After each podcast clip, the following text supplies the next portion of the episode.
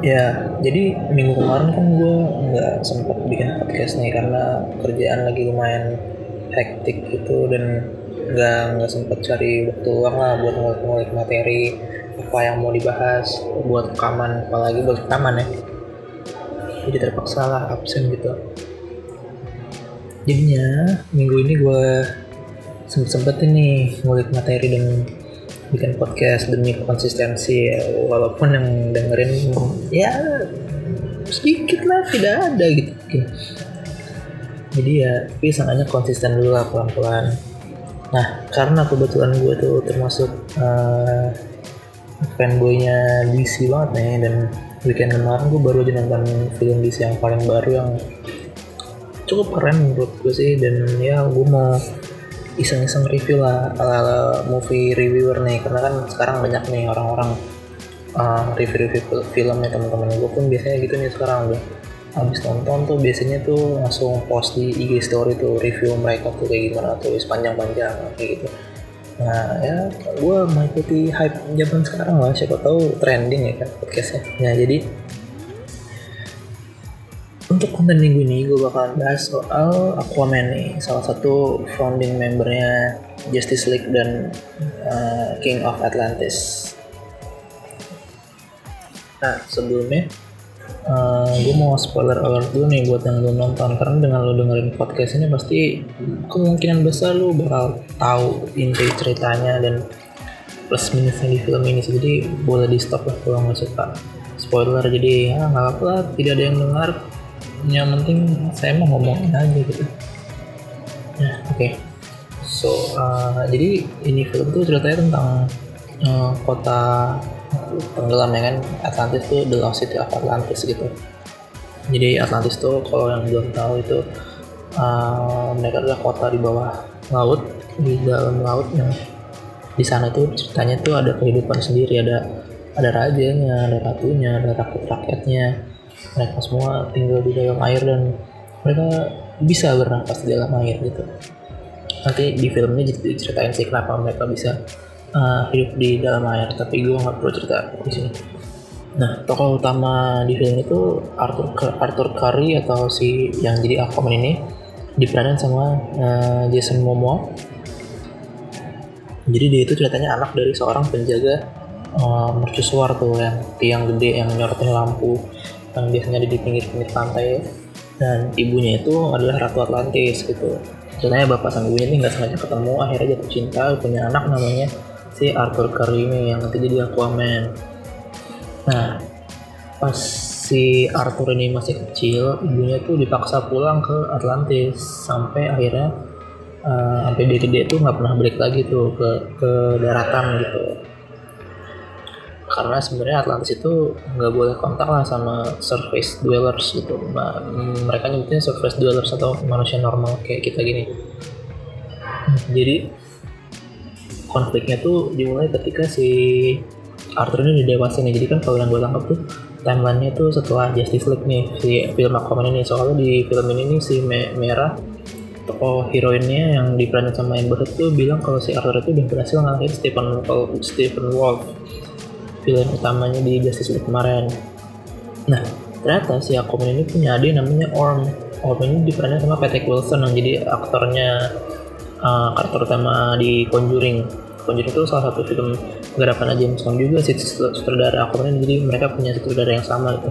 Nah, jadi pas ibunya Aquaman si Peter Lana ini yang diperanin sama Nicole Kidman, si Nicole Kidman ini juga dulu pernah jadi Dr. Chase uh, Meridian di filmnya Batman Batman yang dulu tuh bareng si oh, Batman yang si Val Kilmer nah si Orm ini ngerasa kalau orang-orang di daratan tuh udah mulai merusak lautan gitu dengan buang sampah ke laut dari sampah sehari-hari kayak plastik, kaleng, apa kertas segala macam sampai limbah pabrik gitu. Jadi dia ngerasa sebagai raja Atlantis yang sedang berkuasa itu tuh dia pengen menarik aliansi-aliansi dari kerajaan-kerajaan bawah laut lainnya buat satuin pasukan mereka buat menyerang uh, masyarakat yang ada di darat gitu. Nah, karena si Merah ini tahu rencana jahatnya dan dia mau menghentiin rencana jahatnya si Om itu, satu-satunya cara yang menurut dia uh, make sense itu adalah dengan merebut tahta kerajaan Atlantis dari Orm gitu dan satu-satunya yang berhak buat merebut tahta ya cuma si Arthur ini karena uh, cuma Arthur ini yang sama-sama keturunan uh, ratunya kan gitu. Ibu mereka karena ibu mereka sama. Nah intinya sih gitu. Jadi kalau misalnya gue ceritain terus nih bisa aja sih sampai endingnya gimana konfliknya gimana cuma nanti jadi jadi nggak seru nanti kalian jadi nggak nggak penasaran buat nonton. Sedangkan gue pengen banget kalian nonton gitu jadi saran gue nih kalau misalnya mau nonton itu mendingan nonton di IMAX atau 4DX nah jadi IMAX nya uh, XXI atau 4DX nya CGV gitu. Karena visual efeknya si CGI yang dipakai si Jameson buat film ini tuh keren banget sih parah menurut gue uh, pemandangan bawah lautnya tuh bener-bener berasa wah anjir nih cantik banget gila laut-laut yang ada di dunia ini gitu kalau nonton yang reguler ya mungkin bagus juga sih tapi lebih bagus di IMAX atau 4DX sih menurut gue pasti. Karena di di IMAX atau 4DX itu ada adegan yang menurut gue secara visual keren banget sih. Kalau dan itu kalau nonton di regular tuh dipotong itu pas scene-nya si Arthur ciuman sama Merah di tengah-tengah perang itu tuh visualnya keren banget. Jadi kayak uh, mereka berdua ciuman gitu terus kameranya muterin mereka gitu terus belakangnya tuh ada background lagi perang itu ada yang meledak-meledak gitu keren banget sih. Ya jadi ya gitulah. Jadi ini film keren banget. Salut salut banget sama James Wan yang bikin film ini. Durasinya kan lama ya dua setengah jam. Tapi nggak berasa sama sekali karena adegan-adegannya tuh nggak nggak ada yang bikin bosan sama sekali gitu. Ya hampir. Gue selama film tuh jarang banget lihat kan lihat jam. Bisa kan gue kayak udah udah berapa, lama sih ini gue jarang, jarang banget dari awal dari awal film itu mulai tuh udah benar-benar full action tuh. Mulai dari si Queer Atlananya berantem tuh di ruang TV ini berantem di ruang TV tuh keren banget. Kamera kameranya tracking itu ngikutin dia gitu. Terus adegan Aquaman duel sama duel sama si Orm di dalam laut tuh. Juga keren banget. Dia kayak model-model kayak waktu Thor sama Hulk berantem di arena gitu kan. Tapi ini di bawah laut. Terus ada adegan oh pas final battle juga keren banget sih di atas kapal tuh. Uh, itu semua itu adegan-adegan yang pas berantem. Di scene akhir tuh menurut gue tuh superhero bang ada benar-benar adegan-adegan superhero banget sih. Semua koreografinya berantem berantemnya tuh pokoknya nggak ada kata selain keren ya kayak gue buat semua adegan action di film ini nih mulai dari koreografi sampai visualisasi lainnya. Sempurna banget nih buat sebuah film superhero sih menurut gue nah habis itu favorit scene gue nih. Kalau favorit scene gue ini salah satu yang paling memorable banget buat gue tuh ketika si Aquaman ini dia baru dapat pertama kali dapat baju ikoniknya nih. Kalau tau eh, baju ikoniknya dia kan tuh yang uh, uh, atasnya orange terus celananya hijau gitu kan. Nah pas dia baru dapet itu sama dia megang si tridentnya yang gold yang baru yang punyanya si King Arlan raja pertamanya Atlantis kan dia tuh emang harus ngedapetin si trident itu kan uh, misinya dia gitu. Pas dia dapet itu sama bajunya terus nah, superhero pose gitu kan. Kayak di poster poster filmnya itu. Habis itu dia datang nyegat pasukannya Orm yang udah jadi Ocean Master gitu. Karena dia udah berhasil ngegait aliansi beberapa kerajaan-kerajaan itu akhirnya dia dinobatkan sebagai Ocean Master. Hmm, sambil sambil dia naik monster yang anjir itu monster gede banget. Parah itu. Keren banget sih monster diri uh, setengah badan ke atas tuh kayak Godzilla gitu tapi kakinya tuh gurita bercabang tentakel gitu. Wah keren banget sih. Nah itu itu epic banget ya. Habis itu beberapa scene lain yang gue suka itu pas ada juga pas Arthur masih muda yang dia belajar berenang pertama kali itu sama Popo yang dia dari tebing yang tinggi banget loncat terus habis loncat terus dia baru tahu kalau misalnya uh, Atlantean itu bisa berenang dan nggak cuma bisa berenang di dalam laut doang tapi mereka juga punya vision yang bisa lebih tajam gitu melihat hal apa ngeliat dari dalam air dan oh, bisa napas juga kan. Wah terus langsung dia berenang kayak jet gitu. Keren banget itu. Si Volvo tuh diperanin sama si William Dafoe atau yang kalian mungkin taunya Green Goblin di Spider-Man yang pertama tuh dia tuh di sini ceritanya jadi kaki kanannya eh, kaki kanan tangan kanannya Queen Atlanta buat ngelatih Arthur si Arthurnya jadi Atlantean yang sesungguhnya gitu. Nah satu lagi ada scene pas di mana Arthur sama Black Manta nih dengan kostum Black Mantanya yang baru ya yang komik accurate banget itu. Itu berantem pas uh, abis kejar-kejaran tuh terus mereka berantem. Wah itu juga keren banget sih apa koreografinya. Itu gue suka banget ya itu pas itu nah habis itu yang yang menurut gue adegan ini itu James Wan banget lah. Kan dia biasa direct film-film horror kayak Conjuring gitu. Nah ini tuh pas uh, Arthur sama Merah tuh ketemu sama Trans pertama kali di kapal gitu. Trans tuh Trans tuh salah satu kerajaan-kerajaan dari Seven Seas itu kan ada tujuh ceritanya. Nah Trans itu salah satunya. Mereka tuh yang horror bentuknya kayak makhluk buas itu lah. Nah pas adegan si Arus sama mereka ketemu Trans dan ngelawan Trans di kapal itu bener-bener horror banget sih banyak banget apa tuh jam sekira dapat banget tuh adegan horornya kayak ada scoringnya tuh scoring horror segala macam tuh keren banget. Dan adegan ini pun juga ngingetin gue kayak kalian tahu itu filmnya uh, Turbo Power Ranger movie. Tuh pertama kali Power Ranger Turbo tuh dibikin filmnya dulu sebelum ada sebelum dibikin serial TV-nya kan itu ada adegan juga di mana si Power Ranger-nya ini ngelawan monster yang muncul dari bawah laut juga tanpa mereka berubah jadi Power Ranger sih. itu mirip menurut gua. Mungkin ya nggak tahu sih apa apakah si James Wan paying homage buat film Power Ranger Turbo tapi kayaknya nggak mungkin sih. Tapi itu gue jadi keinget gitu dan karena gue suka sama adegan itu dan gue juga suka sama adegan ini gitu. Terus uh, oke okay, nilai plus nilai plusnya kalau nilai plus dari dari film ini tuh selain CGI dan adegan action yang super keren tuh memang film itu filmnya juga jadi bagus dan bisa dinikmatin semua orang karena ceritanya ringan. Jadi lu kalau nonton ini tuh nggak nggak harus pusing-pusing lu nggak harus baca komiknya dulu lu nggak harus riset dulu aku itu siapa gitu karena nanti semua di sini lumayan dijelasin deh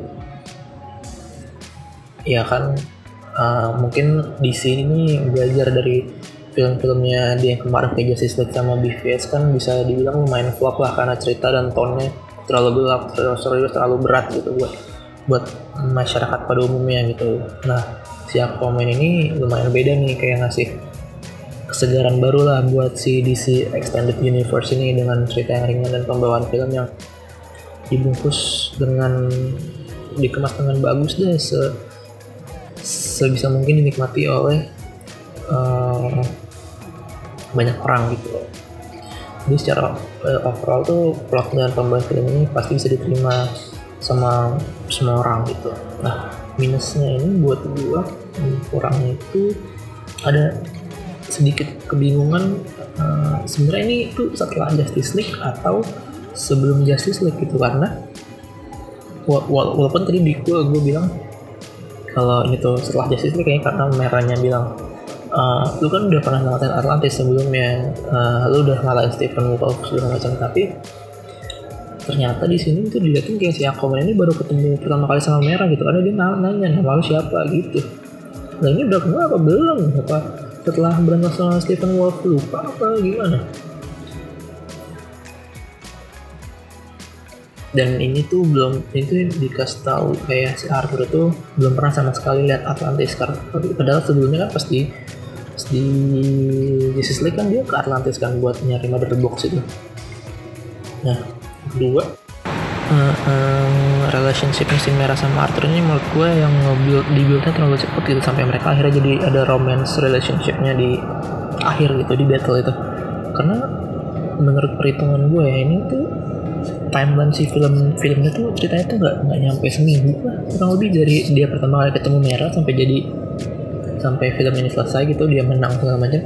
Itu nggak nyampe seminggu gitu dan menurut gue kayaknya nggak mungkin nggak mungkin si Mera sama Alton bisa saling jatuh cinta dalam waktu kurang dari seminggu gitu karena tidak ada ya tidak ada momen-momen di film ini di mana yang bisa nguatin kalau mereka tuh bisa bikin mereka tuh saling suka gitu satu sama lain dalam waktu sesingkat itu kayak gitu. Nah ketiga nih. Uh, gue mungkin kurang punya alasan yang bagus sih tapi menurut gue tuh scene yang pas si mantanya dikasih peralatan apa armor uh, Arlantean gitu sama si uh, King Orm itu kayak tiba-tiba aja gitu. Kayak udah nih gue kasih baju lu cari Aquaman gitu. Lu bunuh Aquaman sama merah gitu.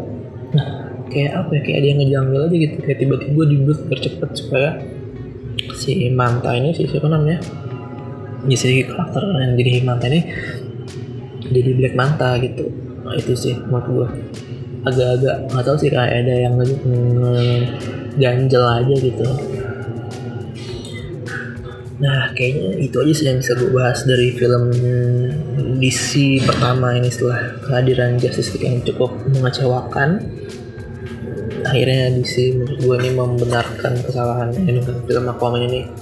Kalau gue boleh kasih nilai sih nilainya delapan setengah lah dari 10 karena cukup asik sih menghibur semua elemen-elemen yang itu bisa membawa filmnya jadi uh, menarik gitu nggak uh, minus-minus yang tadi gue bilang tuh tutup semua lah sama overall film ini gitu.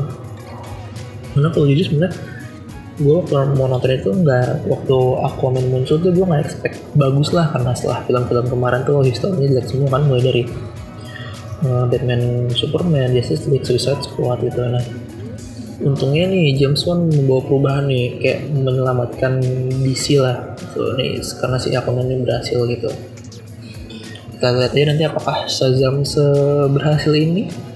Mungkin gue akan review juga karena itu film DC atau mungkin Spider-Man Into the Spider-Verse. Hmm, belum tahu sih gue belum ada rencana nonton sih tapi kita lihat nanti lah. Oke sampai udah dulu kali ya uh, buat podcast review-review hari ini. Uh, sebenarnya gue udah nyiapin sih sebelum ada ide buat review film itu gue udah nyiapin materi buat podcast itu. Cuma ya tinggal tinggal record aja tapi gue gak tahu apakah gue akan rilis uh, minggu ini juga atau minggu depannya. Tidak ada yang nungguin juga kan jadi santai saja gitu. Oke. Okay. oke okay thank you for listening. Thank you